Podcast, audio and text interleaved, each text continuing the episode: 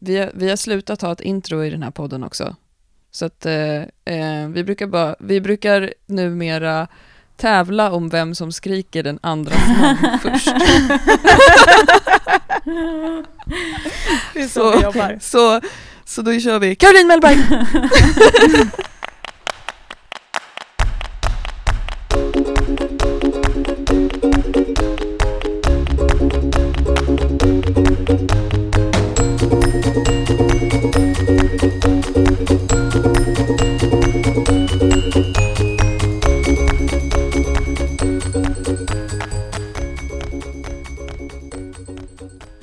Alltså det är skönt, jag kanske, nu tänker jag ta den seriösa rollen här, förklara dig kan man liksom inte riktigt lita på när det gäller sånt. Så jag tänker säga välkommen till Caroline Mellberg. Du har ju varit med i ett antal eh, tidigare avsnitt, men det är alltid lika lyxigt och kul att ha dig med i podden. Ja, ja det är speciellt att prata med i podd. Jag pratar ju med er annars, men eh, ja, det blir lite på riktigt på något sätt. ja, vi, vi pratar ju med varandra nästan varje dag, Caroline. Men inte så här. Nej, precis. Men, och vet du vad jag har tänkt på? Att, alltså jag lyssnar ju på eran podd, Tyngre rubriker, och eh, vi har ju försökt, eller jag vet inte, är det ni som har försökt starta någon poddbeef med olika ja. poddar? Ni vill liksom bråka med vi, andra poddar. Ja, vi tänker att det kommer göra det lyssnare roligare. ja, men, och i, i um, förra avsnittet av er podd, då sa du att jag hade lurat ut eh, de andra, dina kollegor i podden på ditt bröllop för att gå fyra kilometer eh, till hotellet. Så hade jag, jag råkade ju killgissa ljuga när jag hade druckit lite och sa till dem att det var en och en halv kilometer att gå till hotellet. Men sen hade de varit ute i regnet och gått i en timme och då sa du i podden att det var för att jag försöker Eh, döda dem. jag, alltså jag tror inte att jag ens använder ordet döda. Men eh, det, är, det, är, fritt för tolkning, helt klart. Det är det ju. Jag tror, men jag tror också att det är lite påspädning på den här beefen nu. För jag skulle ha spelat in podd med mina riktiga poddarkompisar då. Ja, ni är mina riktiga kompisar men inte mina riktiga podd, mm. poddarvänner igår. Men jag har, ja, jag har någon slags låsning eller något, jag vet inte. Det var naprapaten som sa att jag hade en låsning. Och fick behandling igår och sen så dog jag. Så jag kunde inte vara med och spela in. Så då får du vara med i vår podd ja, istället? Ja, precis. Jag vet inte liksom om det slätar över beefen eller om det spär på. Det är lite svårt för... Hoppas att det spär mm. på då. Jag, vet, vi tänker, jag tänker så här att i ganska stor utsträckning så har vi samma lyssnare. Även om jag är övertygad om att ni mest har fler kvinnor än vad vi har. Eh, men jag tänker ändå att Styrkebyrån, Styrkelabbet, eh, vissa delar styrk, eh, och vi har, alltså det är samma människor som lyssnar på de här träningspoddarna. Tänkte jag bara. Mm. Tycker vi att det är lite roligt då om vi kan liksom tävla om deras uppmärksamhet lite, se vem som... Nej, jag vet inte. Ja. Ja, men vi är helt på det tänket ja. också. Eh, och sen så nu när vi ändå har blivit lite så här in, mera internetkompisar med dina poddkollegor så känns det extra kul. Så vi kommer fortsätta, vi kommer liksom skicka Styrkebyrån-tröjor till alla dina kollegor och eh, eh, olika kartor för hur de ska kunna få in sin vardagsmotion och kanske lite träningstips och sånt ja. där. Så det, det, tror jag kommer bli bra. Men det som är med er, ni har ju en podd där ni pratar om veckans rubriker eh, kopplade till träning och hälsa som, som ni snappar upp, som ni tyck, ofta tycker är ganska dåliga. Och sen bryter ni ner dem utifrån ert perspektiv och berättar egentligen hur det egentligen ligger till. Kan man säga så? Ja, ja. Typ, typ glutenskräck och då kan ni liksom säga så här, nej fast vänta nu här. Ja, ja men after, alltså vi, den media som vi sköljs över med varje dag, som framförallt är det tidningsrubriker, de som man läser på, vad heter det, de här gula lapparna som sitter utanför affärerna. De som människor matas med dagligen. Löpsedlar. Löpsedlar, precis. gula lapparna. Post-its eller?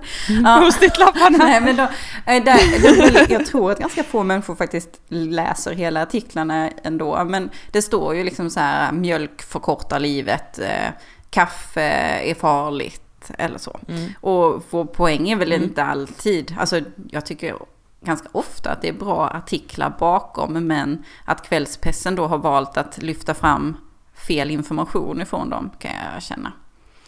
Ehm, ja, vi, vi försöker liksom med lite perspektiv, tänker ge lite perspektiv till de här rubrikerna. Men vi har dessutom nu, vi har, precis som ni så kommer det ju ganska mycket frågor till oss. Så vi har, efter vårt hundrade avsnitt har vi nu bytt också så att vi kommer ha en, en frågedel. Vilket också gör det lite mer öppet för oss. För det blir, efter hundra avsnitt det är ju ändå samma. Det står ju ändå varje vecka gå ner fem kilo på tre veckor liksom.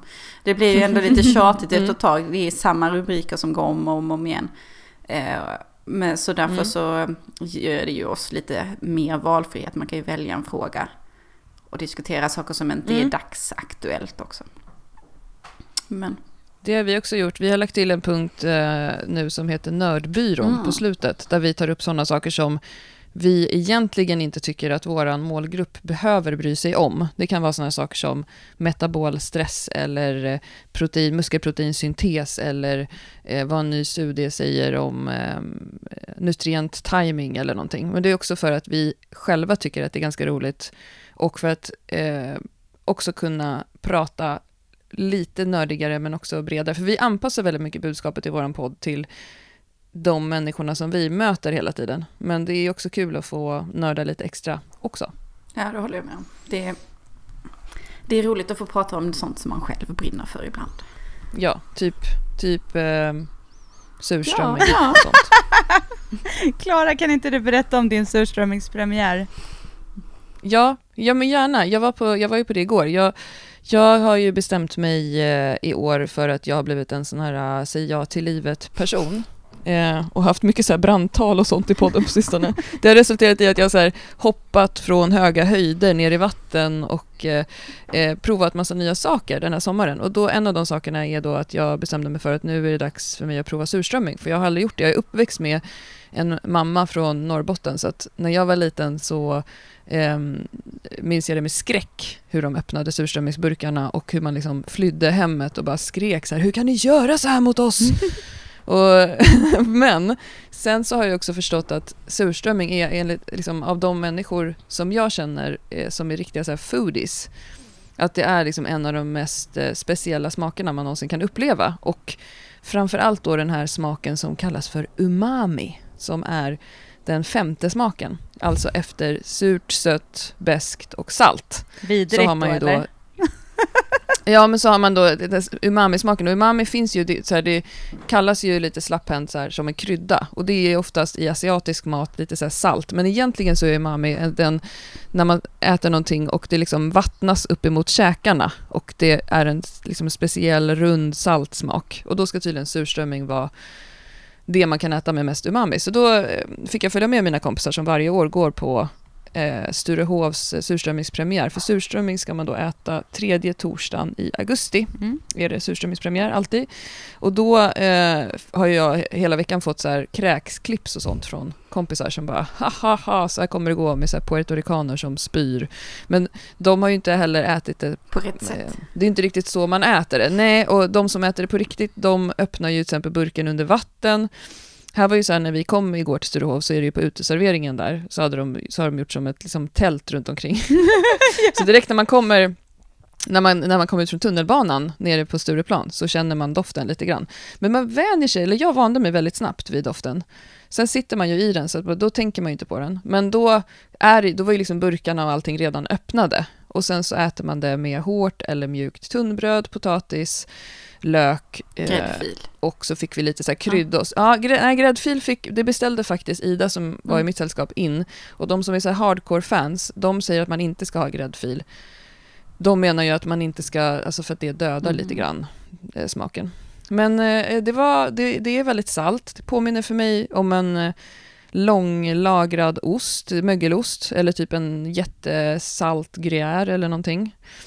Eh, och sen så eh, med potatisen då, eh, så blir det ju liksom Ja men det var, det var rätt nice. Och jag, jag kan absolut, jag vill, vi bestämde igår att vi ska ha en, en årlig surströmmingsfest också, för det var ju väldigt mycket så här gamla gardet. De har haft den här grejen i 14 år berättade de på Sturehof. Och eh, det var ju så här, Oskars surströmming var där, de som gör den, för det är ju väldigt mycket så här familjeföretag som småskaligt liksom. Och sen så var de som gjorde tunnbrödet var där och de hade varit där i alla år, väldigt så här, traditionellt. Men däremot så kände vi så här, vi var ju typ yngst där. Mm. Och då är ju ändå vi ganska gamla. eh, och eh, eh, vi beställde in kräftor också, för vi var så här, men nu kör vi allt som vi tycker är kul här. Och då fick vi lite onda ögat från det här gamla gardet. Det kan man ju ändå förstå. Så då, Ja, ja, ja, men då kommer vi och förstör liksom, Ja. traditionen där. Så att då sa vi, då kanske vi kan börja med en egen surströmmingsfest nästa år. Och så blev det en del snapsar och eh, ja, det blev, eh, vi, vi blev runda under fötterna och rullade hatt och rullade hem sen. Och, eh, men däremot så eh, jag har ju varit väldigt uppskrämd då av andra att jag ska gå omkring och stinka idag och eh, mina barn säger att jag inte luktar. Så det är ändå bra. Skönt. Check på den premiären. men på tal om mina, när mina svärföräldrar gifte sig. Så eh, jag vet inte, det är någon som har gjort någon slags bus här och lagt massa hjärtan och i glitterform typ överallt. Överallt. Alltså verkligen överallt Mm. hemma hos oss. Efter Ja, ditt precis. bröllop. Men eh, mina svärföräldrar, där var det någon som hade ställt in eh, surströmming inne hos dem i deras hus. Typ under någon soffa eller under någon säng. Eh, och sen så okej. kom inte de hem så det hade väl stått där liksom typ något dygn innan de kom hem. Och det, det som hände var att de var tvungna att kassera allt och som jag, om jag förstår det också, även tapetsera om. För att den doften hade liksom satt sig Nej men i fy! hela lägenheten. Nej men vem gjorde det? Vem var det som hade gjort Ja, men det det? var någon som tyckte att det var ett roligt spex liksom. En del fyller huset. Ett roligt spex, det är ju typ att curla 80 Ja, kilo. ja, ja, jag håller med. Det var bara en liten parentes. Men ähm, ja, så det, doften men det var ju kan verk- sitta det- i, ja. om man säger så. Det, Okej. Verkligen, och det är därför Mm. de har det utomhus. Och det säger de själva på Sturehof också. De har aldrig det här inomhus för att doften sätter sig Mm. i inredningen. Mm. Och de har ju så här speciell personal som jobbar på det här. Som, som jag tror inte att de hade så, de tänkte väl bara när de kommer hem så kommer det lukta illa, men de hade nog inte förstått att det skulle lukta illa forever. Liksom. Nej, och det är ju, det är ju extremt speciellt. Alltså, och det är ju rutten Mm. fisk. Alltså, och de som är riktigt hardcore eh, sur, surisälskare, de köper ju burkarna typ två år innan och väntar tills burken blir rund för att den Nej blir så gud! fermenterad och rutten där inne. Och för att det ska vara riktigt liksom, Alltså- eh, mycket smak när man äter. Klara, det är också så skönt att du lite så här, det känns lite som att du verkligen, du bara så här snackar lite suris, du har redan liksom lagt till med så här, lite uttryck och sånt, det känns ju så här skönt. Man bara okej, men- käka lite suris, premiär, de som är liksom vana, de kör lite suris en två månader eller två år innan. Jag vet, jag vet, men du känner ju mig Johanna, Ja. du förstår ju att jag har, alltså all, jag har läst på Wikipedia, jag har läst på Flashback, Ja. jag har kollat på typ åtta filmer på YouTube om hur man rensar dem, så jag var ju så här killgissaraktig, för det var ju första gången för mig, men det var första gången för Ida, en tjej som var med igår också, och då sitter ju jag och så här gör så här och Ja. instruerar henne men när hon det- ska det rensa sin mig. fisk, för att jag tycker att jag är så här proig. alltså hybris, jag har också nu sur, surströmmingshybris. Så är livet med dig Klara. Ja, jag orkar inte Ja, med det själv. härligt. Fasen alltså.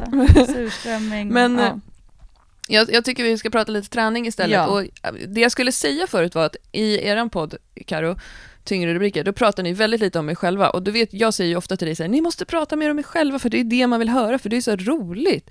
Alltså, det är, alltså, de är ju assköna, dina kollegor. Vi hade så himla kul med dem på ditt bröllop. Eh, och det vill man ju liksom att fler ska få ta del av. Så då tänker jag, men eftersom ni är väldigt snåla med det i den podden, och väldigt så här, det står så här i den här analysen, då tänkte jag, då kan vi få dra ur dig lite grann sånt nu.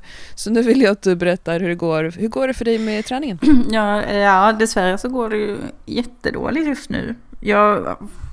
Nej men jo, nej, nej men på, därför att jag har så himla ont. I, men eh, ja, jag fick ju eh, massa träningsutrustning, eller vi fick i bröllopspresent. Vilket ju eh, verkligen har gett någon slags boost till träningen. Det är ju skitkul, det är ju bara kul att gå ut bara och testa någonting liksom. Bara lyfta lite och sådär. Men eh, jag har ja, skadat mig på något sätt. Eller jag vet inte, jag tror att det är kroniskt. Alltså det är en långvarig överbelastning av min ena axel. Så just nu Tråkigt. så är det väldigt svårt. När man har smärta i, uppe i axeln så jag kan, jag, jag kan inte riktigt ha skivstången på axlarna. Och det gör också ont när jag liksom håller emot. För det är leden som sitter mellan eh, nyckelbenet. Alltså det som jag är på framsidan och Mm. själva axelleden. Och i princip alla rörelser framåt eller bak om man ska hålla någonting känns. Så det är svårt att göra både Mm. liksom, jag kan inte göra mark, jag kan inte göra några benövningar heller. Jag gjorde sådana här JM-squats, heter det så?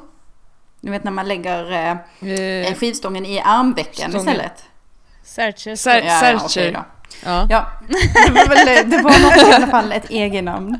Eh, Ja. gjorde ju så, Hur kändes det då? Jävla ont. Inte där jag har ont, utan i liksom man åker I inte arm. Alltså i armvecken. Ah shit. Men hade du långärmat då? jag Det hade inte långarm så nu har jag rätt så stora blåmärken både liksom där nedre biceps och... Tj- Tjocktröja är bästa rekommendationen när man ska göra searcher squat. Satchel-skott. Ja men det där är väldigt intressant för det där är samma sak med hip thrust också. Att många, det verkar vara väldigt individuellt om man tycker att det är obehagligt att lägga stången mot kroppen på det sättet. Vissa, jag har flera PT-kunder som typ kräver att man ska liksom ha en tjock madrass under stången och vissa eh, jag verkar ha jättelåg sensibilitet för det där, för jag, jag kan liksom böja mer i sercher än vad jag gör i frontböj. För att, och jag bry, alltså det, det gör inte ont. Det är Fast hip thrusters går jättebra. Nej jag vet inte. Det, jag har ju alldeles, vi har ju alldeles nya skivstänger också så de är liksom... Mm. Ja, de är så ju rättvika. som har lite sandpapper här också i eh, Ja, gud, det blir ändå armveck. väldigt oskönt. Men fick ni, fick ni förresten fick ni tyngdlyftningsstång eller styrkelyftstång ifrån tyngre gänget? Jag vet inte. Nyfi- ty, typ bara jag som är lite personligt nyfiken. Är den, är den rosa på sidan eller är den, jag tror att deras eh, tyngdlyftningsstång är svart. Jag tror att det är... Men jag vet att styrkelyftstången är rosa. Mm, men du, jag pratar, pratar inte du med Leikos grejer nu? Mm. Som är gulrosa? Nej, Nej, jag vet inte. Den, jag tror att den är vit med röd text på sidan. Mm. ja men då är det nog en tyngdlyftningsstång. Men jag har sett att deras styrkelyftstång är Mm. rosa på sidan. Eh, Eleikos styrkelyftstång är röd Ja, på sidan. det ser ni. Jag är inte, jag är inte riktigt så nördig som ni. Men eh, vad är skillnaden? Det är hur de roterar. Eller? Mm. Mm. De har, ja precis, de, har, de är olika tjocka. Eh, Styrkelyftstången är mer räfflig och den har inte samma eh, kullager som tyngdlyftningsstången. Den ska ju inte flyga, den ska ju bara röra sig i en rak linje Mm. upp och ner. Lite mer brölig, väldigt eh, nice. Den har väl oftast bara, den har bara en ring också va? Mm, ja det har den, precis. Den har bara en ring för Mhm. måttet där. Mm. Tyngdlyftningsstängerna har ju dam och herr eh, måtten för tyngdlyftning. Det är det som är ringarna där för greppet. Okej. Ja, nej, jag, eh, jag är ledsen. Jag är inte så... eh, Kom igen Caroline! Nu får du lägga Ja. på. Nej, men den är, det är vit med röd text på sidan. Så mycket kan jag Ja. säga. Men du får ta och läka ut din axel helt enkelt. Annars så har ju du, nu, jag tycker att du var lite överdrivet negativ med din träning nu, för du har ju tränat på jättebra här nu senaste veckan. Ja, det, men jag lever väldigt mycket i nuet och just nu så är jag extremt frustrerad över den här. Jag, I desperation gick jag till en naprapat igår. Jag har väldigt mycket respekt. Alltså, och då menar jag inte att jag respekterar dem som personer utan jag är liksom rädd för det här med att knaka och Mm. knäcka och så. Jag har ändå har läst lite för mycket om eh, dåliga eh, biverkningar kring det. Men jag hade så himla ont igår så jag gick ändå till en naprapat. Hur kändes det då? Ja, det var ju, det knakade ju i princip överallt och jag blev ju också, fick, blev ju utdömd kan man väl säga. Det var ju inte, det var i princip inget som var rätt. Från nacken ner till bäckenet. Och sen, ja, jag, jag kan ingenting om det men då, då blir det ganska ofta så att de säger ja men då får du sträcka ut dina armar och så trycker du mot min arm. Och så, så bara orkar så är det som att då trycker han ganska hårt. Nej, du är jättesvag. Och så knäcker de lite och så ska man göra samma sak och plötsligt har jag då blivit asstark. Jag känner ingen skillnad. Och lång. Ja. Och lång också. Man går därifrån och har växt några centimeter. Så, och eh, några snedheter har liksom gått bort. Och jag är helt övertygad om att vi är sneda av naturen och att det är helt okej att vara sned. Och man ska kunna prestera även om man råkar ha ett snett bäcken. Det är liksom min Mm. personliga åsikt. Men eh, i desperation så gick jag ändå dit och eh, hoppades på underverk. Det enda som hände var att jag blev så påverkad att jag, med spänningshuvudvärk så jag inte kunde spela in podd. Och det gör lika ont idag. Nej men usch. Ja fan, eh, oj förlåt, vi ska inte svära. Men eh, jag tycker att du ska gå till någon eh, med någon annan typ av legitimation. Ja, med en Och legitimation sen ska kanske. vi ju... Ja, ja, de har, ja precis, vad är det de kallar sig? Ja, precis, exakt. Gå med någon, till någon med en legitimation Mm. som Ja, men det ska jag göra. det. Är svårt att, när man är doktor själv. Det är liksom, ja. Men eh, annars Mm. så är det ju askul. Hur som helst. Och eh, ja, jag känner mig stark. Har du något mål med din träning? Mm, nej, det är bara en allmän välbefinnande känsla som jag vill. Eller eh, mitt, egentligen så när, när jag introducerade Jonathan för styrketräning, för det har, han har i princip aldrig gjort det tidigare, så var jag starkare än honom mm. i princip alla övningar. Eh, nu har han ju då mm. gått om ganska mycket, men inte i rodd. eh, skivstångsrodd. Så mitt mål är att eh, inte bli omkörd på skivstångsrodd. bra. Det är bra. Det är en bra go-to-övning. Jag älskar skivstångsrodd ja. också. Det är bra. Ja, det är bara jag tycker att det ger mig så extremt mycket, jag vet inte, pondus kanske. Men alltså jag känner mig ju alltid glad och stark på alla sätt efter jag har tränat. Och det, det är det som är huvudmålet. Men vad heter Caroline, du har ju också nu, du har ju ett grymt gym ju med kulörta lykter, vimplar, det är liksom...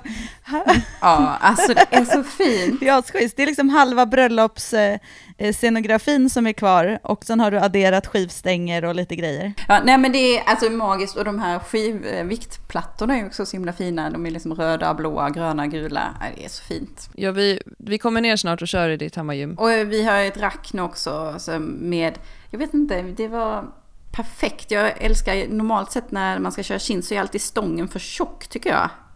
Alltså mm. det är som att mm. man gör chins i alla möjliga grejer som inte är tänkta och framförallt är de inte tänkta till tjejhänder. Perfekt grepp, alltså det är, det är så roligt. Gud, nu längtar jag för att komma ner och träna i ditt gym. Ja, och nu har jag också fått en begagnad roddmaskin. Men apropå rodd, vänta nu här, roddmaskin. Då kan ju du hoppa på Klaras galenskap som hon håller på med. Ja, ja, Klara, vad är det för jävla cardio-grej du håller på med nu? ja men alltså, jo så här är det att eh, våran kompis eh, Anna Åberg, Mandalaya, som är eh, firefighter, hon vann ju VM i brand, brandmanna-VM förra året i rodd. Eh, och sen så har vi pratat i den här podden också om att jag har tränat ganska mycket i sommar. Mm -hmm. Lite för mycket mm. kanske. Ehm, idag har jag min, igår hade jag min första vilodag på 12 dagar. Um, och för att jag har liksom haft så mycket tid och sådär. Ni har ju, ni har ju, ni har ju relationer och barn och, hela tiden och sånt där. Så jag, och jag har inte det. Så jag har kutat mycket på gymmet så och då sa Anna till mig så här, Klara, du kan inte träna så här tungt varje dag. Du borde träna någonting annat emellan. Eh, ska du inte träna hjärtat lite? sa hon till mig.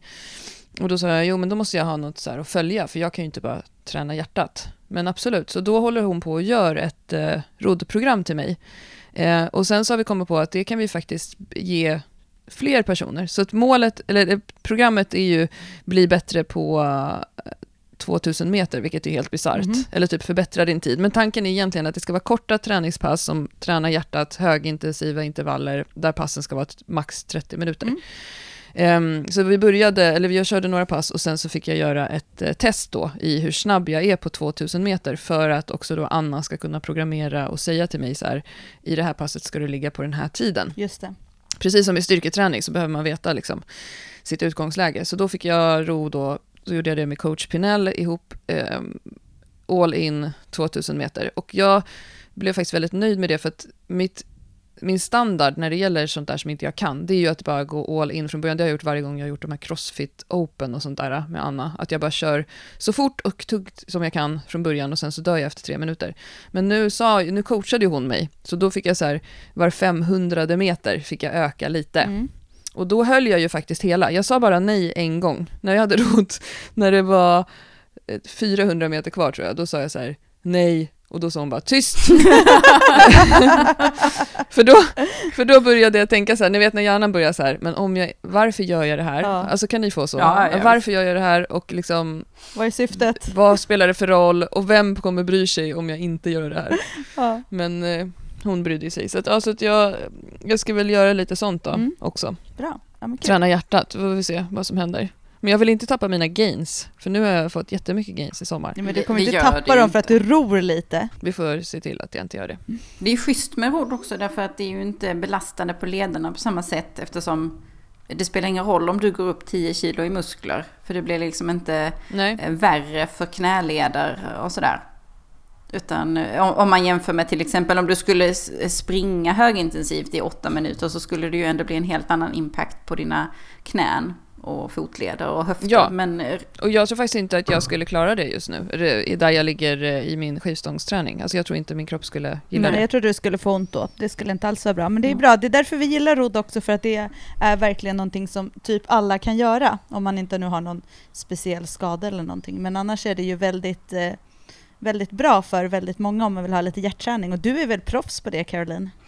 Nej, det är ju Mm. inte rodd.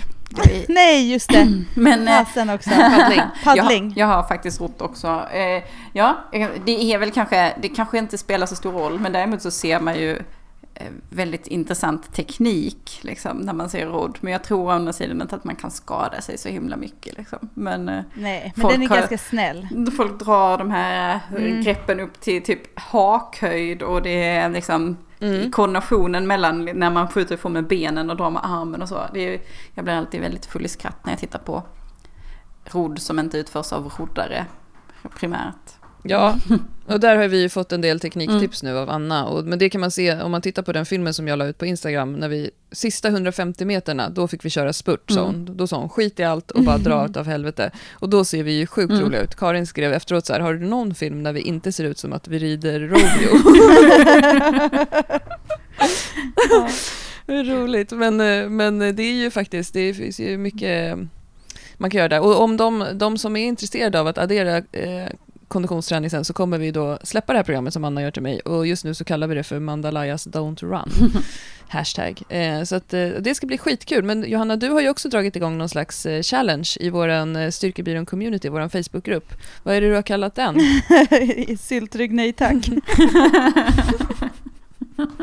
ja, Och vad handlar den Vad är det för något? nej men det handlar egentligen om att skapa rutiner efter sommaren, att många har tränat kanske, många kanske har tränat under sommaren och det har ju jag också gjort, men att man inte har kört sina liksom det vanliga på gymmet, utan att man ska komma in i gymmet igen och få kontinuitet i sin träning och sådär. Och att många upplever att det, dels är det svårt att komma in i rutinerna och sen att det är just det att man lägger väldigt mycket värdering i sina pass och jag har blivit så mycket svagare och att det är klart att om du inte har tränat ehm, knäböj med skivstång under hela sommaren så kommer den rörelsen kännas konstig. Alltså det kommer vara ta lite tid innan, innan den känns bra igen och innan du känner dig liksom stark igen. Även om det inte är så att du har förlorat massor med styrka på sommaren, för det har du inte, så kommer rörelserna att kännas eh, konstiga, liksom, eller liksom inte lika smootha. Så Mm. det, det det handlar om är egentligen, gå in i gymmet, gör basövningar, gör det med lättare vikt, lägg ingen värdering i passen och så bara gör. Och sen efter några sådana pass så kommer du känna att du är tillbaka igen på banan. Mm, och då kommer du göra alla de här passen själv Ja, och dela med dig av dem i, exakt. i gruppen? Ja, exakt. Så jag kör på. Så jag kände ju också så första gången, det var skitjobbigt, men det är liksom... ehm, för varje pass så blir det enklare och för varje pass känns rörelsen lättare igen. Just det där att inte lägga någon värdering i vad det ligger eh, för vikter på stången och Exakt. sådär tror jag är jättebra Exakt. när man ska komma igång igen.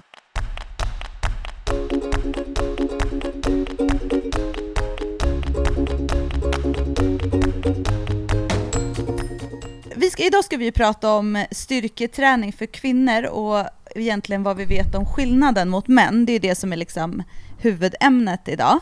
Men jag tänker att innan så ska vi ta en lyssnarfråga och vi brukar ju göra det med frågor som dyker upp rätt ofta och det här är en fråga som vi verkligen får ofta och som nu speciellt sen vi släppte våra program eh, så har, de, har den dykt upp väldigt ofta och den lyder så här. Hur ska jag tänka med veckorna och antal pass? Veckan slutade på en måndag. Eller, jag fick inte ihop alla pass på en vecka. Alltså, hur tänker vi då? Nej, nej men jag... Det, det, det här med veckan är ju liksom... Det, blir ju, det är... Jag vet inte. Det är ju något som vi har skapat för oss själva. Veckor. Man kan ju väl hellre säga att man tränar var tredje, var fjärde dag. Men alltså om du har ett pass som ska med fyra split då, när man ska i teorin i alla fall göra fyra per vecka så blir det ju ungefär vart, varannan dag. Det blir tre pass ena veckan då och fyra pass ena och ibland kör man två om dagen. Alltså att man häng- inte låter bli, att man låter bli att hänga upp sig på veckodagar. Sen är det ju så att ganska många Ja. människor har träningsdagar. Jag tränar på måndagar, jag tränar på onsdagar och fredagar. Men om det då är så att man Mm. inte får till sin fredagsträning då får man ju köra fredagspasset på måndagen. Om det nu är, är så. Man kör pass för pass. Exakt. Eh, oavsett vilken dag det är i veckan. Ja, och så brukar vi säga till våra kunder också. Det där är ju lite så här dumt, det pratade vi om när vi släppte de här programmen Bli en beefcake, för vi säljer ju dem lite, eller de, de är ju gjorda för, så här, för dig som tränar ungefär tre gånger i veckan, och för, eller för dig som tränar ungefär fyra gånger i veckan. Det är det som är skillnaden på de programmen, för då är de upplagda lite olika. Och det blir ju lite dumt då, för då tror folk att de måste tänka vecka för vecka. Men precis som du säger Caroline, alltså, kroppen vet ju inte vad det är för veckodag. Och det är bara att rulla vidare på passen. Och, och blir fredagspasset inte av, som du säger, men då kör det på måndag då istället. Det blir ju ingen skillnad. Men jag tänker också att det handlar ju mer om att, så här, du har en cykel med pass. Rullar du dem så kommer du ju att komma dit du vill i alla fall. Sen om det tar lite längre tid än det som är tänkt, i själva programmet som vi har skrivit, så spelar inte det någon roll. Men det, man behöver ju när man gör ett program också ha något att förhålla sig till. För är du en person som kanske tränar två till tre pass i veckan, eller om du är en person som tränar fyra, kanske till och med fem, så blir det ju ganska stor skillnad i innehållet på din träning. Så det är det man måste ha och ta hänsyn till. Men det var också, mm. för det så läste jag att det var någon som gjorde, att den hade liksom bestämt vilka dagar den skulle köra sina tre pass per vecka. Och när den då hoppade över mm ena passet så hoppade den liksom över det passet och började om på nästa. Nästa vecka. Och det, vilket då innebar att, och sen så visade det kanske sig att det är oftast fredagspasset som skiter sig. Då blir det ju så att vissa delar av träningen faller bort. Så det är ju alltid mycket bättre att bara ta nästa pass i ordningen. Mm. Lås inte respektive träningspass till ett speciellt tillfälle utan rotera på de passen som finns och liksom inte hoppa över även om träningspasset hoppades över. Exakt, ja. exakt. Mm, det, det, det är bra. Rulla passen, kroppen eh, vet inte att vi har veckodagar. Det är bara vi själva som har hittat på. Och det där är, alltså när vi säger tre split och fyrsplit, så här, det, är bara, det är mest en rekommendation. Mm. Det är inte så här, skrivet i sten att det måste vara Nej, exakt och det, är, det handlar ju om liksom att tränar du flera gånger på raken, alltid, så att det alltid blir liksom många pass på en så kallad vecka, då kanske tre splitten blir för tuff att rulla. Så att, tänk, låt säga att du hinner göra fem, sex pass på tre splitten på en vecka, då blir det lite för tuff mm. träning. Det är det som är tanken. Vi har ju bjudit in dig till podden, Karo. Mm. jag kallar dig för Karo, det kanske jag inte får göra, Dr. Mellberg, för att um, vi får väldigt ofta frågor kring det här med skillnaden mellan kvinnor och män rent fysiologiskt och hur vi ska förhålla oss till styrketräning. Och det blev en ny snackis lite grann nu i sommar, eh, eller somras säger man kanske, när en kvinnlig styrkelyftare höll en föreläsning på, eh, i eh, Dublin på en sån här stor internationell styrkelyftskonferens så pratade hon ganska mycket om skillnaden mellan män och kvinnor i styrketräning. Och då fick vi mycket frågor om det och då tänkte vi så här, men då bjuder vi in också Caroline som eh, inte bara är läkare utan också endokrinolog och doktor och har koll på det här med hormoner, vet mycket saker om kvinnor och män. Eh, så nu tänkte vi att vi skulle bryta ner lite grann, punkt för punkt, och bara så här diskutera utifrån tesen, är det verkligen någonting vi behöver förhålla oss till? Behöver vi förhålla oss till att det ska finnas skillnader? Ja, det beror väl på. För du och jag, eller vi, behöver väl inte förhålla oss till det i vardagen eller vår vardagliga träning. Därför att skillnaderna är inte så stora som man kanske vill tillskriva dem ibland. Men däremot så har vi ju, om man håller på och tävlar och så, så vill man ju ändå göra någon slags skillnad eftersom det finns rent liksom resultatmässiga skillnader. Eh, och det finns mm. ju kroppsliga skillnader som i, som i sin tur beror på hormonella skillnader från födsel och uppväxt och hela vägen. Men i, i dagliga livet eller när du kör ett träningspass eller när du ska köra så är det ju liksom ingenting som du behöver förhålla dig till. Typ så här, nej men jag är kvinna, då måste jag göra åtta reps eller tio reps eller femton. Alltså det finns ju ingenting sånt eh, enligt i mitt, liksom vad jag anser, som man behöver ta hänsyn till i vardagen. Liksom, där du behöver ha gå omkring och tänka men jag är kvinna så jag måste förhålla mig till detta på detta sättet. Däremot så kommer det ju finnas eh, rent absolut, skillnader i absoluta prestationsmål. Liksom. Det är så att män kommer lyfta tyngre än de flesta kvinnor.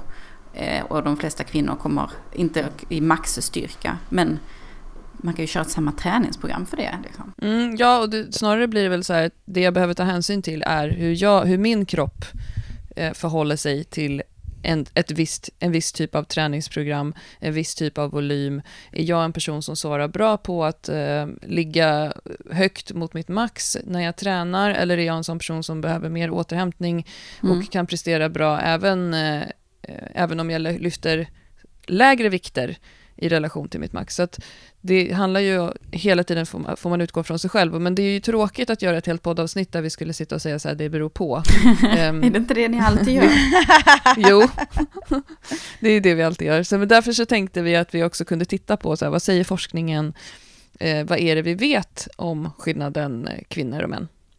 Alltså om man, man, börjar, om man ska prata väldigt eh, liksom, schematiskt eh, enkelt så är det så att eh, när vi föds, när vi är bebisar så är det inte så himla stor skillnad. Men någonstans kring puberteten så kommer pojkar, män att ha mer eh, androgener, alltså manliga könshormoner som kommer göra att de kommer ha en större muskelmängd och de kommer också växa lite mer, få en större tillväxt som också då kommer påverka när man är vuxen och färdigväxt. Så om man liksom krasst ska säga så är det så att vi kvinnor från början har på grund av en, liksom en annan eh, hormonprofil under uppväxten färre muskler eller liksom mindre muskelmängd från början. Vi har inte färre muskler, vi har samma muskler som män, men vi har färre alltså mängd, massan är lite mindre än vad männen har. Så vi har liksom en, en, en mindre volym får vi väl säga då.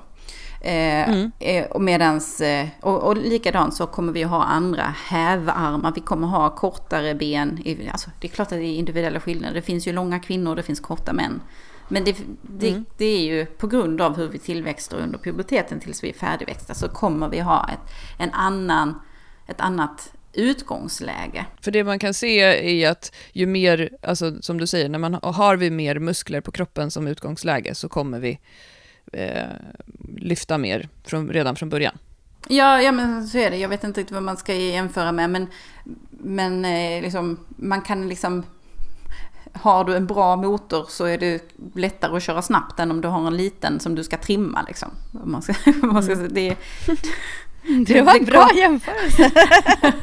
det var ändå tydligt tycker jag.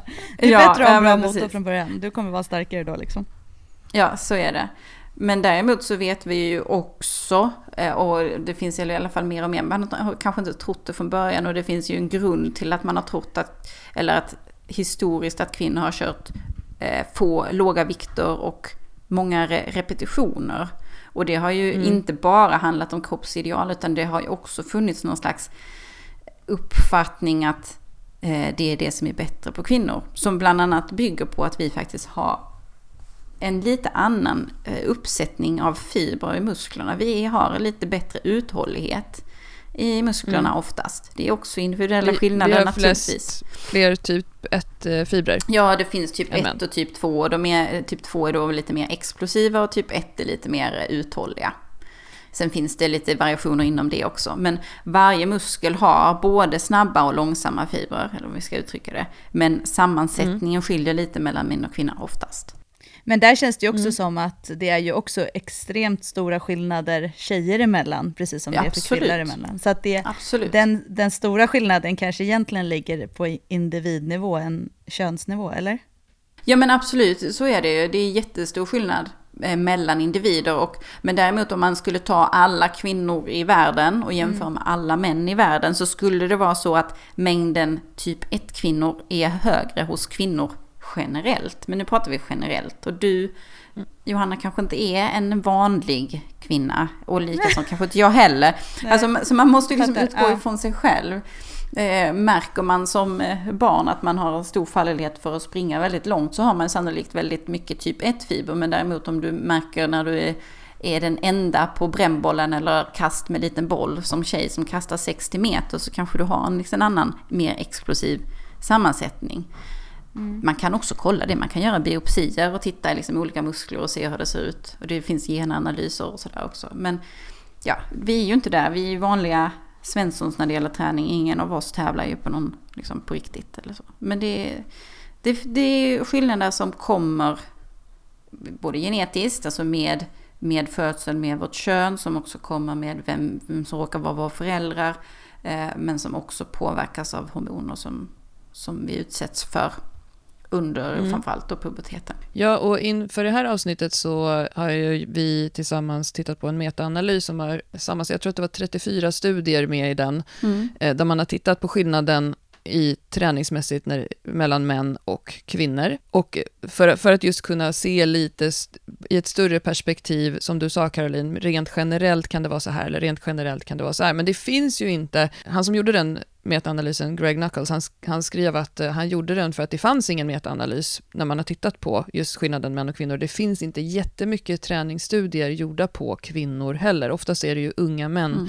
som man forskar på när det gäller muskler och sådana saker. Men det som var lite intressant i den, tyckte jag, en sak som jag lyfte fram, det var det här med överkroppsgains. Det blev jag väldigt peppad av också. Och jag, mhm. jag, känner också att jag kan, eh, ja, men jag kan se att det stämmer, där man kunde se att när man har tittat på överkropp och underkropp, skillnaden mellan män och kvinnor, så såg man att benträning, där får kvinnor och män ganska lika resultat. Eh, kvinnor får bättre, kvinnor får generellt mer gains än män när vi tränar. Eh, relativa gains får vi prata om då. Ja, alltså i förhållande till utgångsläge så kommer Exakt. man som kvinna om man börjar träna öka mer än i förhållande till utgångsläge vad män kommer att göra. Initialt i alla fall. Initialt, mm. och, men däremot så var det väldigt stor skillnad då i överkroppen, där man kunde se att kvinnor fick väldigt bra, eller väldigt stora ökningar i sin överkroppsstyrka och hypertrofi. Och, eh, men däremot eh, så hänger det också ihop med att det var främst otränade individer som de här studierna gjordes på. Och då har vi ju det som du sa här tidigare, Caroline, att i, i grunden så har vi en lägre massa eh, muskler, kvinnor, när vi börjar träna. Och vi, man brukar prata om det här med nybörjar-gains, att i början så gör man väldigt stora framsteg när man tränar. Det är lite, först lite senare man börjar komma till platåer och det blir lite svårare. Och det är väl det man kan se, att vi kvinnor har ju faktiskt vi brukar säga, eh, det, nu får du säga om vi har fel, men vi brukar killgissa i den här podden, Johanna och jag, och säga att kvinnor har ungefär 20-30% mindre muskler i överkroppen än män. Och att det är ju en anledning till att när en, en kvinna gör sin första chin-up så är det ungefär som när en man gör tio stycken. Alltså då, män har ju muskler från början. Ja, nu, alltså, om man ska generalisera grovt så beror det ju säkert också på tradition och att vi kvinnor i min lägre utsträckning ägnar sig åt sport som involverar överkroppen. Alltså även som barn. Mm. Medan däremot när det gäller underkroppen, alla människor använder ju även barn och upp, man går och man springer, det ingår liksom. Så att muskelmassan och med användningen av musklerna i underkroppen även hos otränade är nog mer likt mellan män och kvinnor än vad det är om man jämför hur ofta vi använder biceps eller liksom eh, skulderbladsregionen eller trapezius, alltså som kvinna, man, om rent tradu eh, traditionellt. Mm. Jag tror, och då säger jag jag tror, jag har inte ens några döttrar. Men tyvärr så lever ju fortfarande i ett ganska liksom könssegregerat och där aktiviteterna är olika. Och när jag hämtar mina barn på skolan så spelar ju pojkarna olika lekar, kasta bollar, klättra medan flickorna gör andra saker tyvärr fortfarande. Mm. Så jag, jag, tror att det bidrar ju i stor utsträckning till att kvinnor har större utvecklingspotential. De har ett lägre utgångsläge från början. Exakt, men det är också väldigt kul att vi kan få eh, bra överkroppsgains, vilket också kan vara en stark motivator till om man vill komma igång med sin styrketräning, tänker jag. För att om man då som kvinna kanske lägger lite extra krut. Vi proklamerar ju ofta om det, att vi vill att kvinnor ska träna mer överkropp, för att det kommer ge till knäböjen, det kommer ge till marklyften. Mm att, att ha en starkare rygg, att ha en starkare bål, att ha starkare axlar och så vidare. Men, och det kan ju också vara en stark motivation att, att eh, veta att om du lägger lite extra krut på överkroppen så kommer du också få väldigt bra resultat. Vi ser ju det på de som går våra överkroppsgrupper. Kvinnor som börjar liksom med det tjockaste gummibandet och gör sina chins och sen fortsätter med våra program några cykler och sen så uppdaterar de i våra Facebookgrupper och bara idag gjorde jag det första utan gummiband. Det är så häftigt. Mm. Och det är så tydligt att följer man någonting och lägger lite fokus där så får man också resultat. Så det, det tyckte jag var kul med den här metaanalysen. Att... Ja, det jag menade var att, att det inte egentligen är något fysiologiskt. Det är inte så att anledningen till att vi är svagare när vi börjar är ju för att vi inte har tränat. Det är ju bara det jag menar. Ja. Men, men vi har ju naturligtvis en... Vi har, musklerna finns ju där, så använder vi dem. Och framförallt om vi använder dem innan vi har blivit 40 så kommer man ha, alltså det är också lite, det får man också se, att det kommer finnas en bättre förmåga till gains om vi tränar lite tidigare i livet än om vi väntar tills vi är större, äldre. Vi bygger en eh, större liksom, bank. Men om man tittar framåt då, framtiden, nu spånar jag helt, Mm. men att det här med epigenetik och att vi kan ändra vårt DNA, det vill säga att om eh, mina, alltså mina föräldrar körde inte så mycket bänkpress, men eh, våra barns föräldrar bänkar jäkligt mycket. Mm. Mina barns föräldrar är eh, båda väldigt bitiga över axlarna ehm, och eh, atletiska och tränar väldigt mycket. Kan det här potentiellt, det som du säger nu Caroline, om vi, om vi slutar ehm, med att malla in flickor och pojkar i kön i skolan och övar mer sport med dem och det blir trendigare och trendigare nu med kvinnor som gör pull-ups och bänkar. Mm. Kommer vi kunna se andra resultat i de här metaanalyserna i framtiden då? Jag vet inte, alltså epigenetik är väldigt spännande och, och eh, inne just nu. Det betyder väl egentligen att vi har, vi har ju gener som inte alltid liksom är påslagna, men beroende på eh, liksom vår omgivning och det är miljöfaktorer så kan man liksom aktivera. Ju, Mm. Jag har ju sett bilder från innan du fick barn och då var du ju inte så jättebitig liksom. Nej, spetta. Så, så precis. Så jag tänker att rent liksom genetiskt, dina barn har ju naturligtvis ärvt dina, de har ju dina gener. Eh, men det är ju inte så att de slås på automatiskt för att du började träna efter. Utan de måste Nej ju... det, nej, det förstår jag också. Mm. Jag, men om jag skulle få ett barn nu då?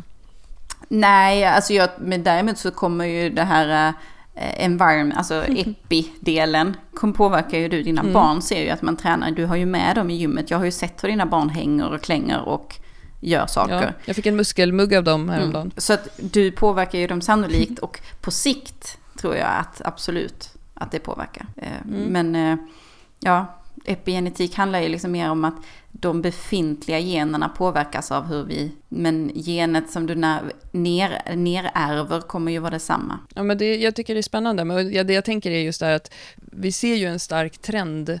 Det är ju det som har gjort att Styrkebyrån har blivit det, det liksom varumärke och den podd som den är idag. Mm. Till att kvinnor får lov att känna sig starka, skrika, krita, fisa i gymmet, lyfta tunga saker. Eh, och det kommer antagligen att ändra när vi tittar på mäns och kvinnors genetik om några år. Sen kan ju den här trenden gå över jättefort. Alltså om två år kanske Johanna och jag kör snorsport. Men det är väl också så att det är ju fortfarande en väldigt liten klick som gör det. Men alltså, det, alltså, det, gud, det är alltid det är så svårt där. Men jag tror att det är klart att, eh, att det påverkar så att våra barn ser att man får vara stark. Men tyvärr så tror jag att den stora massan fortfarande inte är där. Det är fortfarande rosa hantlarna. Mm, tyvärr, ja, lite. Men ju mer det lyfts fram. Så vi, we're on a mission. Mhm, mhm. Jag tänker att även om man gör om de här metaanalyserna då på otränade kvinnor i framtiden så kommer ju de otränade kvinnorna fortfarande ha samma gains, samma utveckling. Men däremot så tror Mm. jag att om vi jämför tränande män och kvinnor så är det mycket möjligt att, att vi ser lite andra resultat. Men det tror jag att vi skulle göra nu också om vi hittade tränande kvinnor. Men det är väl det som är ett jättestort Mm. problem i när man ska prata om sånt här. Det är ju just som du säger att, att allt som görs, görs på otränade kvinnor. Eller alltså Mm. allt, men de, de flesta... Ja, allt och det är väldigt lite Exakt. tyvärr. Men det handlar ju också om att vi är så jäkla komplicerade. Alltså man, man, nej men en av anledningarna, det är ju inte bara träningsforskning som bara görs på män eller främst görs på män. Det handlar ju, det är ju träning, eh, studier generellt och det är ju därför att vi har ju bland annat den här månatliga cykeln med hormonförändringar över, över tid. Liksom, som gör att det ibland kan vara lite svåranalyserat eh, i förhållande till Mm. män som har liksom en mer samma, samma nivå hela tiden. Men det är också att det finns ju etiska aspekter om man till exempel skulle vilja, det finns ju en testosteronstudie nu på eh, GIH, liksom när man ska testa hur testosteron påverkar träningen. Just det. Eh, och det, det är liksom det etiska i att om man som kvinna då tackar ja till att vara med och det finns risk att man då till exempel blir gravid så finns det ju, utsätter man ju mer än en, en individ för risker vilket ju då gör, har gjort att man ganska ofta eh, undviker att ta med kvinnor i studier därför att det finns risk för fertilitet, alltså för graviditet Mm. och sådär. Mm. Ja, det, jag tror att med trenden att ja, vi ska träna så kommer vi få se mer studier, i alla fall träningsstudier på kvinnor. Och mer kring mens och annat också som är spännande. Ja, det ser vi verkligen fram emot. För det blir ju, vi får ju också otroligt mycket frågor om det här med mens och den här mensstudien. Du har ju varit med här i podden och pratat om mens, mm. den, den, kända mensstudien förut också. Och det blir ju alltid så här, ja, det finns inte så mycket forskning eh, på det och nej, vi tycker inte att man ska träna utefter vad forskningen säger, utan vi tycker att man ska träna utefter sin egen kropp och eh, hur man, hur man mår och bara träna ja. på.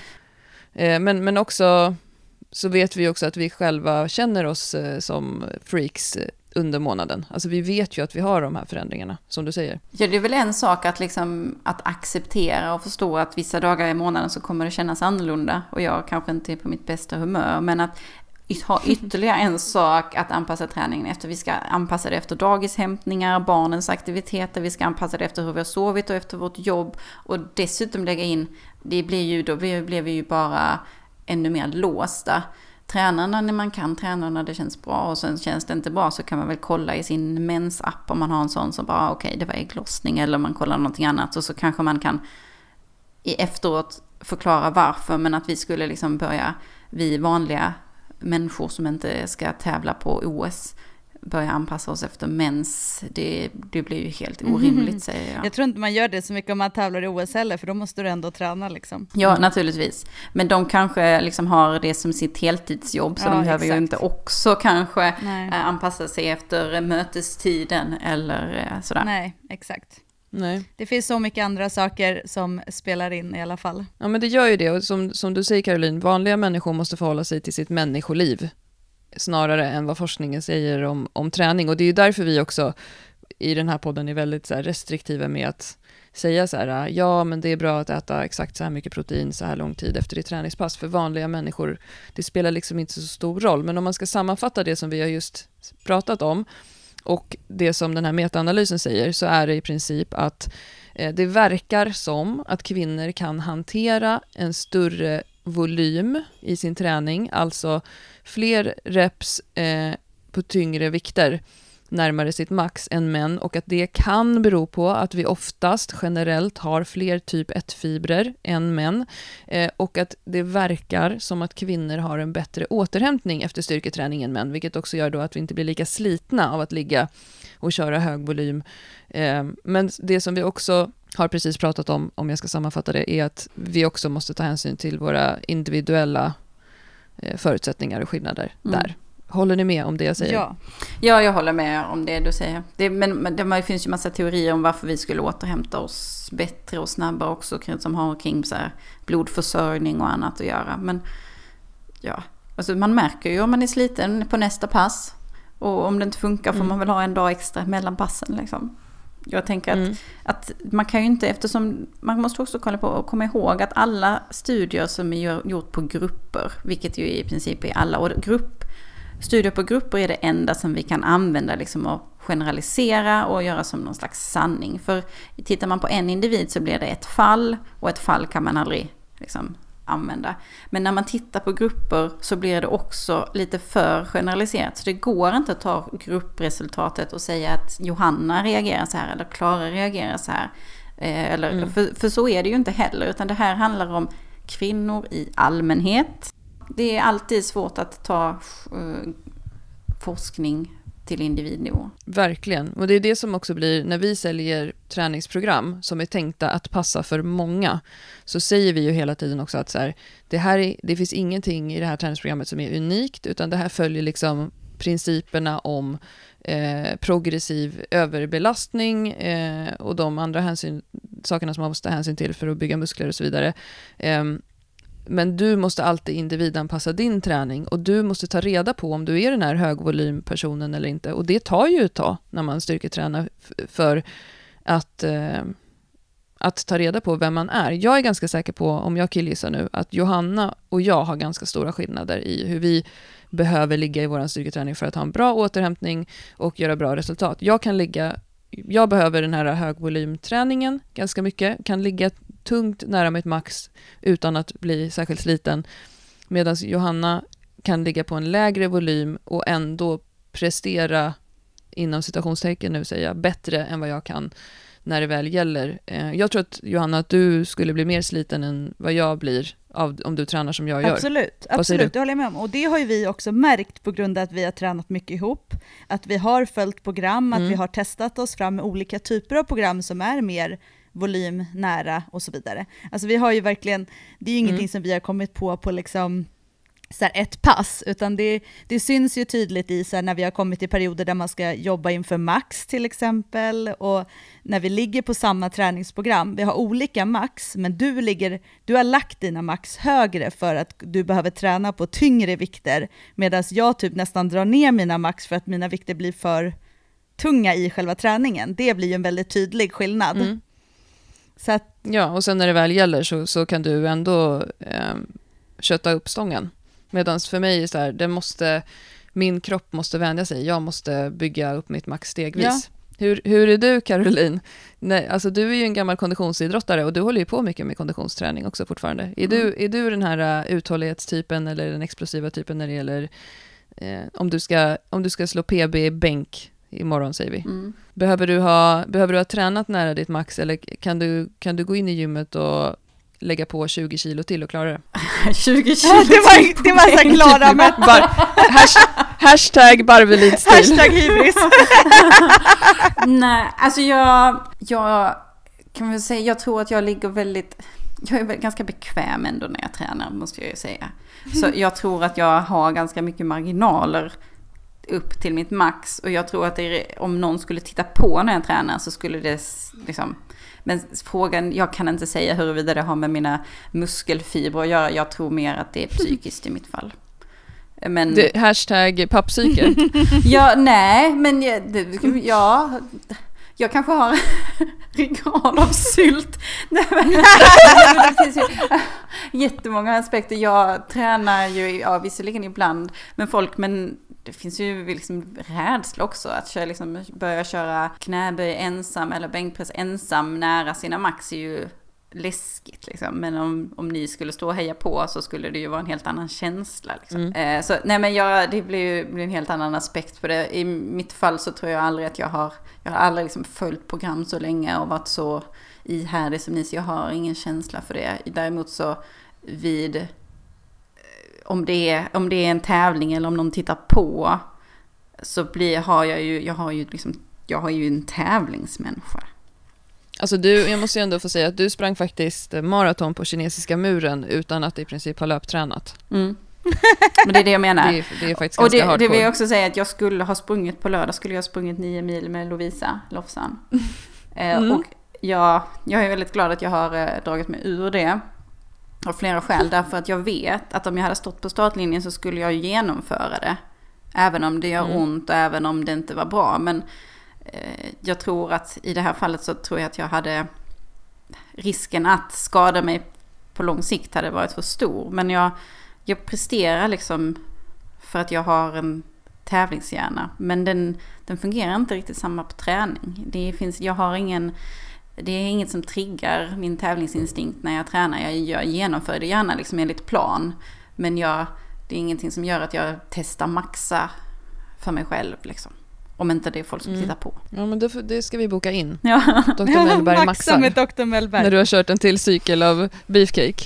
Ja. Och jag tror inte liksom att det här med typ 1 och typ 2 fiber tror inte jag, alltså har man ett psyke som gör att man inte slutar liksom, så spelar det ju ingen roll om du Mm. har explosiva fibrer för då kommer du inte sluta för att, för det liksom. Nej, precis. Nej, och det mentala är ju en otroligt viktig aspekt i det här också. Det var, det var ju någon i de här artiklarna som vi läste till idag som generaliserade också kring det här med att kvinnor inte är vana vid att ta i lika mycket som män. Men det tycker jag så här, nej, gå inte in i, i det, det, sånt blir jag lite provocerad av. För kvinnor föder barn och springer såna här ultravasor bättre än vad män gör.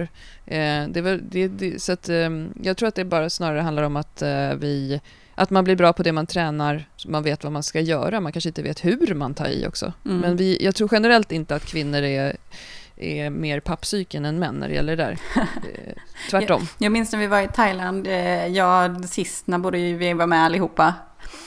Då var, Mm. hade vi någon slags det, stafett på stranden. Den här, eh, vi skulle göra sån där Ja, Och man står där och bara, det är Ja. ingen tävling, det är ingen tävling. Och sen så är man så Ja, just det. jävla mycket tävlingsmänniska när det ändå är. Ja, det var nästan så att ni, jag slapp ju den eftersom jag höll i själva passet, men det var nästan så att man trodde att ni skulle börja Ja, men det var så roligt för vi satt ju bredvid varandra Caroline och så, så pratade ju du med mig, du var ju väldigt så här, du, jag tror du hade liksom lite tagit på rollen att du skulle vara så här, kom ihåg nu, det är typ det här är det vanligaste att man liksom hamstrings ryker, ta det lugnt nu i sanden, typ så här, och du vet skulle vara så här duktig liksom, du hade lite den läkarrollen och jag var lite så här satt med hona och du började prata med mig och jag bara tyst, det är tävling! Typ, du bara, du bara okej. och sen när Ja, väl startskott Men det var Sen när mig också. startskottet går så är du lika mycket tävling, då har ju du glömt alla dina så här duktiga läkarråd. då bara kör! Ja. Ja, det, jag har jätteroliga klipp från, den, från det passet, så jag ser om vi kan lägga ut dem på Styrkebyrån när vi släpper det här poddavsnittet. Ja, nej, men det jag, det jag menar är att jag tror att, att sådana här psykiska aspekter faktiskt för oss vanliga svenssons är minst lika viktiga än huruvida vi har typ 1 eller typ 2 muskelfiber. Ehm, Ja. Och om vi har mens eller inte. ja. Eller om vi har sovit gott eller inte. Kontinuitet är din bästa kompis när det gäller styrketräning. Jag, jag körde ju själv en så här pappsyke-challenge nu i somras i min ensamhet där jag maxade i varje träningspass i fyra veckor, i alla övningar, för att eh, jobba med pappsyket. Och det funkade ju faktiskt. Det blev ju så här så att jag till slut bara, äh, det är skitsamma. Jag släpper stången här nu för mig själv. Jag gjorde det ju ensam med säkerhetsarmar. Eh, jättebra. Nu, nu har jag liksom Mm. kommit förbi det. Så det kan vara bra med lite pappsykes träning Ja, ibland Det också. är bra. Ja. Men det är ju, det där är också om man tänker, om man tittar, jämför dig och mig Klara, så är det ju också en stor, jättestor skillnad mellan oss två är ju också Mm. att jag har ju typ tränat och gjort tunga lyft sen jag var typ 16. Alltså det, Mm. och tävlat, exakt. Och tävlat. Så det är också ja. en stor skillnad i just det här vanan att göra och också vart, att, att jag, jag lägger inte så mycket värdering i att göra ett maxlyft. Alltså det är inte så stor grej. Nej, exakt.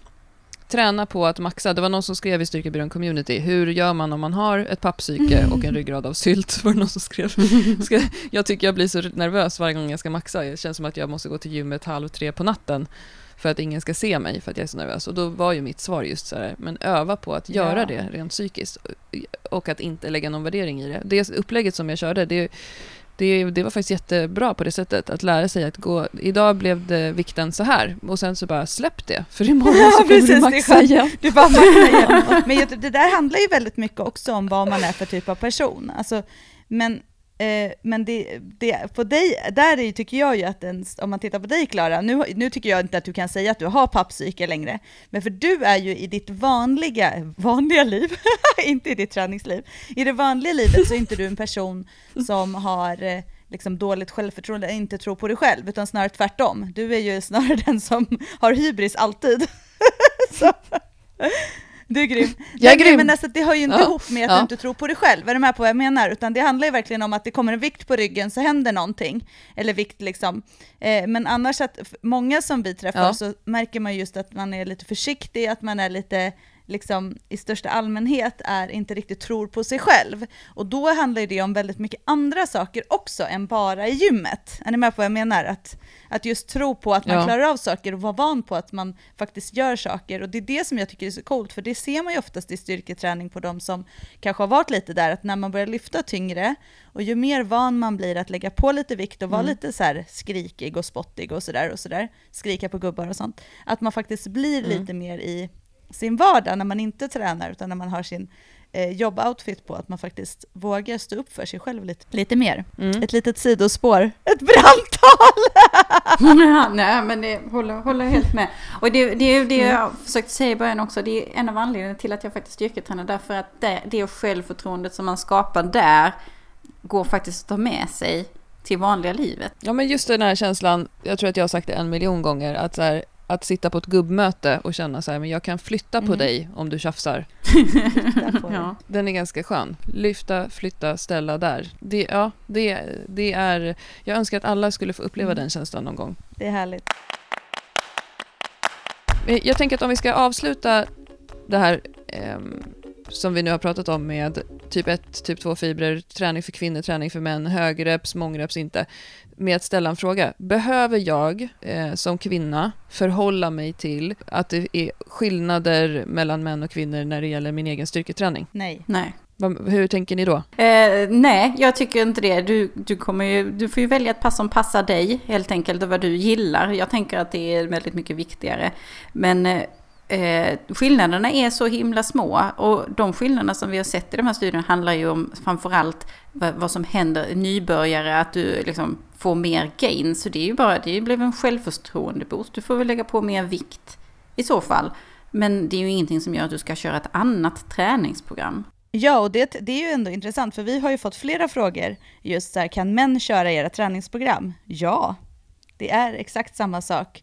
Vill du bli Ja. starkare, bitigare, så är det liksom samma sak som gäller för kvinnor och män. Och det är ju samma princip. De principerna, nu, har, nu kan jag inte era träningsprogram utan till. Jag har visserligen tittat på dem, men principerna kring liksom beefcake gains, blir större, mer, få mer muskelvolym. Det handlar ju också väldigt mycket om hur många repetitioner man gör på vilken tym, alltså förhållande till sitt max. Det handlar ju liksom, Mm. Det, det handlar ju inte om du är man eller kvinna eller vad du, alltså den, den effekt du får handlar ju om andra saker också, om periodisering och liknande. Det handlar ju inte Mm. bara om det här gains och typ 1 och typ 2 grejerna. Nej, Utan det är de andra precis. sakerna är ändå, står ändå över. Hur många repetitioner, hur mycket vila, eh, hur många sätt, Det står över det andra. Ja, och jag menar, det, vi har ju alltså inte satt eh, oss ner och tänkt så här, ja, kvinnor, vi gör ett program för kvinnor, kvinnor kan hantera mer volym, därför har vi väldigt mycket högrepsträning eh, på 95% av max. Så har vi alltså inte gjort, utan vi har förhållit oss till principen om eh, 5 RM, 4 RM, eh, som, som du säger Mm. Caroline. Ja, men grymt. Hörni, ska vi ta avrunda det här då med att sjunga en sång tillsammans? We shall Ja, exakt den tänkte jag på också. Skönt. Åh nej. Ja. Friggebo-effekten, den vill vi inte ha. Åh, Nej hörni, jag tycker att vi avrundar med eh, att eh, säga att Caroline kommer tillbaka till podden. Vi har fått jättemycket frågor eh, om hormoner genom åren och det är ju ditt specialområde och det brukar vi ta upp lite då och då. Det är alltid kul också när du är med i våra frågeavsnitt, så det, kommer, det ska vi absolut se till att få in igen. För vi tänker värva dig från tyngre rubriker. Poddbeefen är for real. Men eh, vi, jag vill bara säga tack för att du var med. Och om man inte vet var man hittar dig någonstans så kan man hitta dig på som Dr. Mellberg på Instagram. Där kan man ju även hitta länkar och så eller hänvisningar till, till din podd. Mm. Mm. Ja, eh, alltid jätteskojigt att vara med. Det blir ett annan form av samtal i er podd. Det är mysigt. Och eh, ja, jag kommer tillbaka. Härligt. Ja, grymt. Men krya axeln nu då. Ja, Och tack. Johanna, vi hörs om en vecka. Ja, det gör vi. Ha det bra. Ja. Hej då. Ha det bra. Okej, hej då. Hej då!